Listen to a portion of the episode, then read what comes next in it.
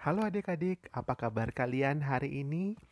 Kak Cakra berharap semuanya baik-baik saja, meskipun kita sedang dalam keadaan yang mengharuskan kita untuk berdiam diri di rumah atau social distancing. Sepertinya juga Kak Cakra sudah lama sekali tidak mengupdate cerita kepada kalian. Nah, dalam suasana social distancing ini, Kak Cakra harap kalian tidak ke mana-mana ya. Di rumah saja dan dengarkan Kak Kak Cakra dalam saluran pada suatu hari. Kali ini Kak Cakra membawakan sebuah cerita yang berjudul Galuh Payuk. Mungkin agak aneh ya, apa sih galuh payuk? Galuh payuk ber, uh, terdiri dari dua kata. Yang pertama adalah galuh, yang kedua adalah payuk. Galuh adalah uh, bahasa Bali halus dari seorang putri raja. Kemudian payuk artinya panci. Tapi kalau dilihat-lihat sih bentuk payuk panci tradisional Bali yang terbuat dari tanah liat itu lebih menyerupai dangdang. Nah, kalau kalian tidak tahu apa itu dandang, boleh dong kalian ke dapur dan tanyakan kepada orang tua bagaimana bentuk dangdang. Nah, kenapa Kak Cakra bawakan cerita ini? Karena cerita ini sangat menarik. Bagaimana cerita selengkapnya? Tunggu setelah yang satu ini.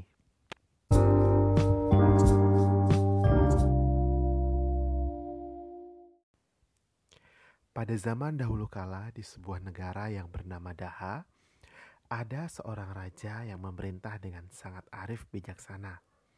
Ia didampingi oleh seorang permaisuri yang tidak kalah pintarnya.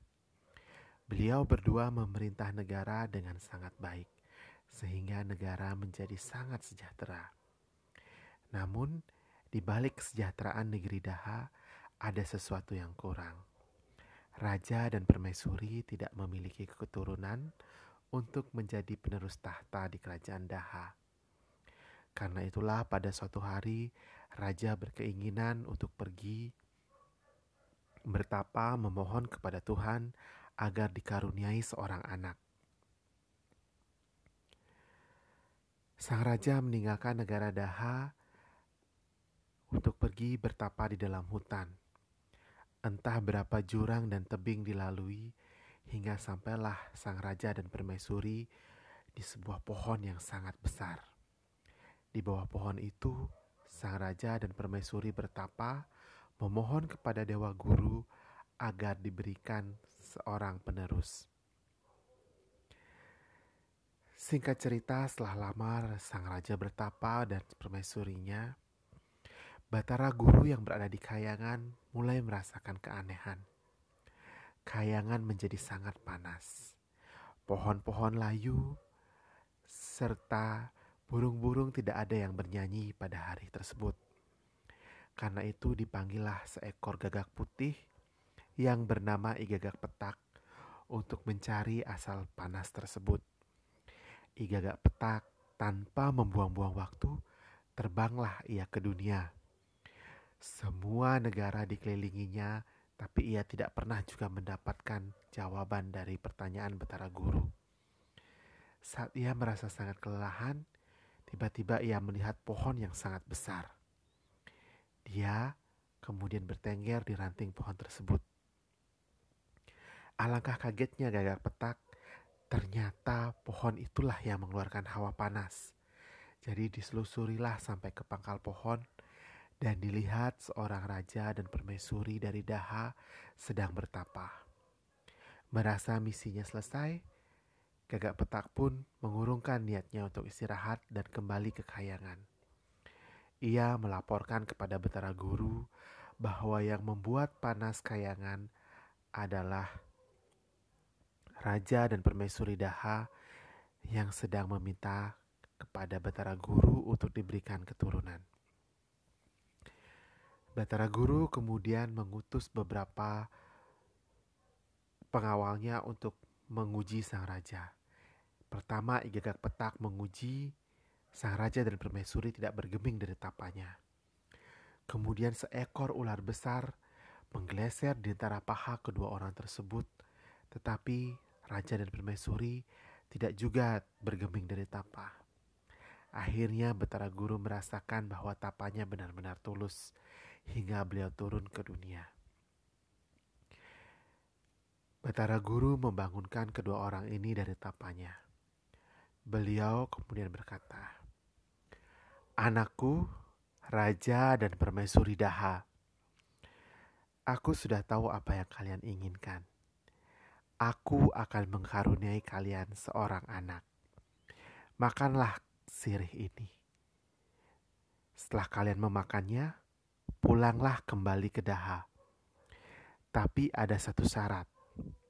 Jangan sekalipun kalian mengucapkan sesuatu yang kalian lihat selama perjalanan. Demikian kata Beketara Guru menyerahkan sirih kepada sang raja dan permaisuri lalu menghilang. Kedua orang ini kemudian kembali ke Daha setelah memakan sirihnya. Di perjalanan, tiba-tiba sang permaisuri melihat sebuah payuk yang berada di pinggir sebuah kuburan. Payuk itu sangat kecil, bersih, dan sangat cantik. Tanpa sadar, permaisuri pun berkata, "Kanda, lihatlah payuk itu. Ia sangat kecil, mungil, cantik dan bersih. Namun setelah mengucapkan kata-kata tersebut, permaisuri sadar bahwa ia telah melanggar pantangan. Singkat cerita, keduanya telah sampai di Daha. Permaisuri pun mengandung. Ketika sudah cukup umur kandungan, permaisuri akhirnya melahirkan. Tapi sayang sekali, yang dilahirkan bukan seorang anak manusia, tapi sebuah payuk. Sang raja merasa sangat sedih, dan ia pun berkata kepada permaisuri, "Istriku, aku tahu ini sangat berat, tetapi kita harus membuang payuk ini agar tidak mengotori dunia." Maka dibuanglah payuk tersebut ke sungai dan payuk itu terhanyut sampai ke laut, terobak-ambing hingga terdampar di negeri Koripan. Payuk itu kemudian dipungut oleh seorang yang sangat miskin bernama Mentiwas. Mentiwas membawa payuk itu ke rumahnya. Diletakkanlah di meja di samping tempat tidurnya. Mentiwas bersama suaminya Pantiwas adalah orang yang sangat miskin. Mereka mengumpulkan kayu bakar setiap hari untuk dijual demi menyambung hidupnya. Pada suatu hari, pergilah Mentiwas dan Pantiwas untuk mencari kayu bakar. Payuk yang ada di sebelah tempat tidur itu pun turun dan ia berbicara. Oh Tuhan, betapa sayangnya Mentiwas dan Pantiwas kepadaku. Aku harus membalas budi mereka. Demikian katanya, lalu payuk itu pun menggelinding ke pasar. Tidak berserang lama, kembalilah payuk itu ke gubuk Mentiwas dan Pantiwas dengan berbagai macam bahan makanan di atasnya. Bahan makanan itu kemudian diletakkan di dapur dan si payuk kembali naik ke atas meja. Mentiwas dan Pantiwas sangat kaget melihat bahan makanan di tempatnya. Tapi karena saking laparnya, mereka kemudian memasak dan memakan makanan itu. Keesokan harinya hal yang sama terjadi. Kali ini si Payuk langsung memasak bahan makanan. Tidak hanya itu, ia juga membersihkan rumah dan menyapu halaman. Mentiwas dan Pantiwas merasa sangat kaget. Saat pulang dari mencari kayu bakar, melihat rumahnya sudah bersih dan ada makanan. Tapi karena saking laparnya, mereka pun kemudian makan makanan itu.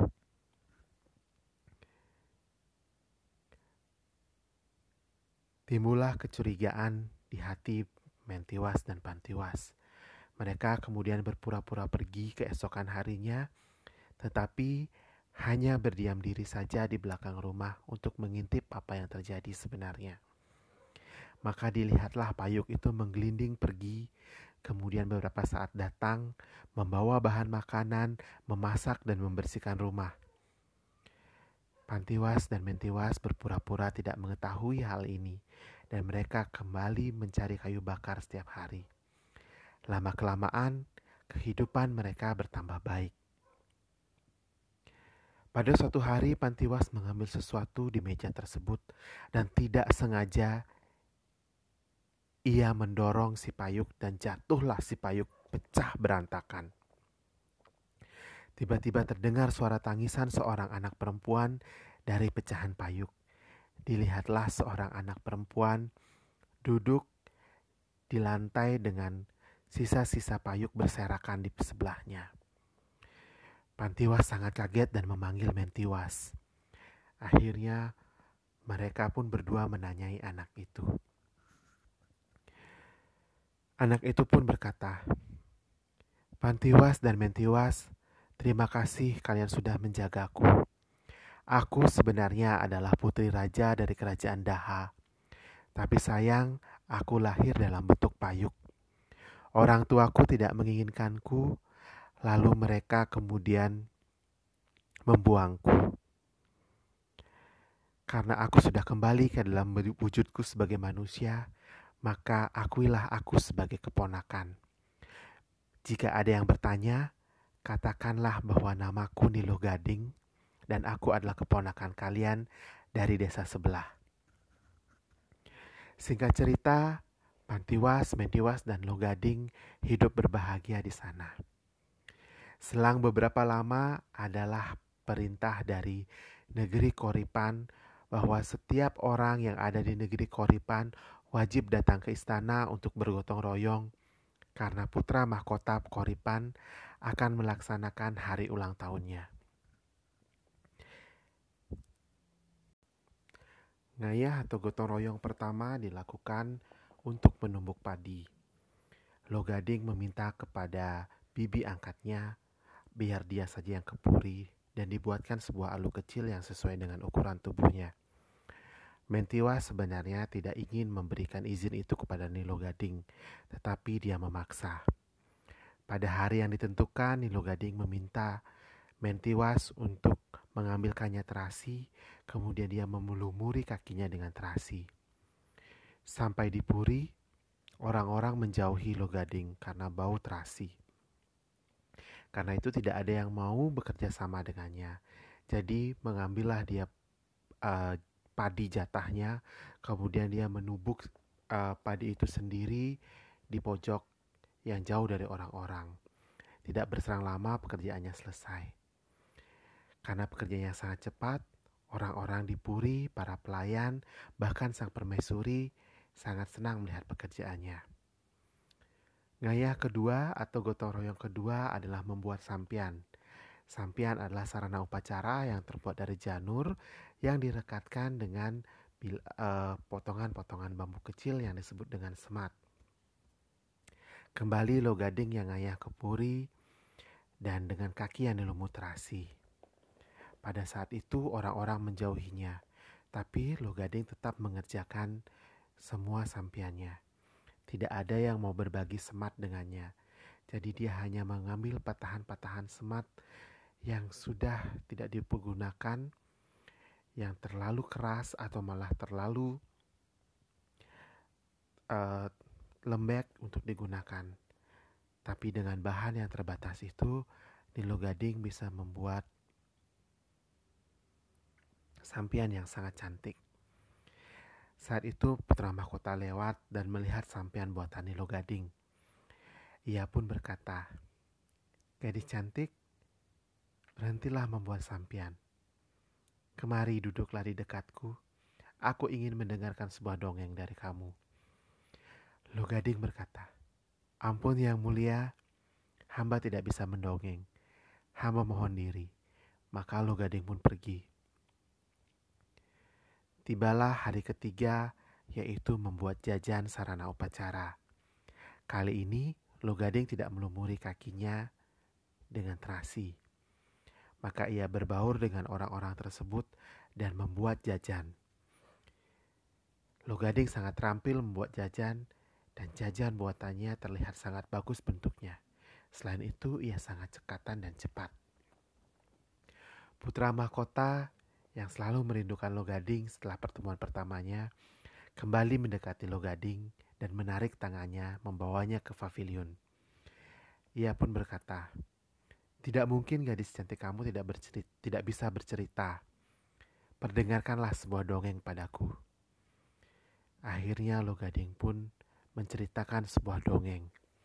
Dongeng yang diceritakan oleh Loh Gading ini sangat aneh. Ia bercerita tentang sebuah negara yang jauh di sana yang diperintah oleh seorang raja.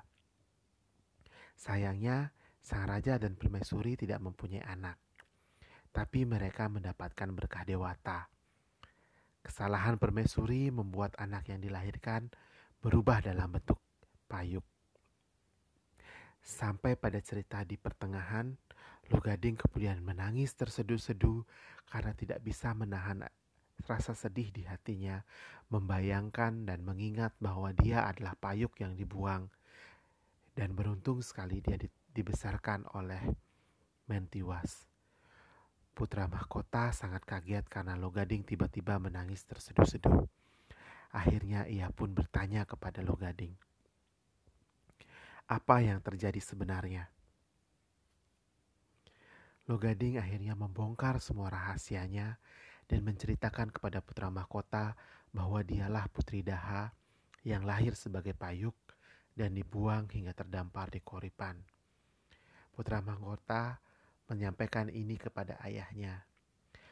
Ya, ayahnya ingat beberapa belas tahun yang lalu kakaknya di Daha membuang sebuah payuk di yang dilahirkan oleh sang permaisuri ke sungai. Ia tidak tahu bahwa payung itu akhirnya terdampar di koripan. Maka sang raja pun memanggil Logading dan mengakuinya sebagai keponakan. Ia kemudian dijodohkan dengan putra mahkota Koripan. Sejak saat itu Logading dikenal dengan nama Galuh Payuk. Raja Koripan kemudian mengirimkan pesan kepada saudaranya di Daha dan akhirnya Raja Daha datang ke Koripan untuk melihat Galuh Payuk. Ia mengakui anak tersebut sebagai anaknya yang terlahir sebagai payuk. Singkat kata, setelah mereka cukup umur, Galuh Payuk dan Mantri Koripan akhirnya menikah. Mereka hidup bahagia selamanya. Nah, adik-adik itu dia tadi cerita mengenai Galuh Payuk. Semoga kalian senang mendengarkannya. Ya, cerita ini memang cukup panjang, tapi Kak Cakra berharap kalian tidak bosan untuk mendengarkannya. Oke, sampai jumpa pada cerita-cerita selanjutnya. Bye-bye.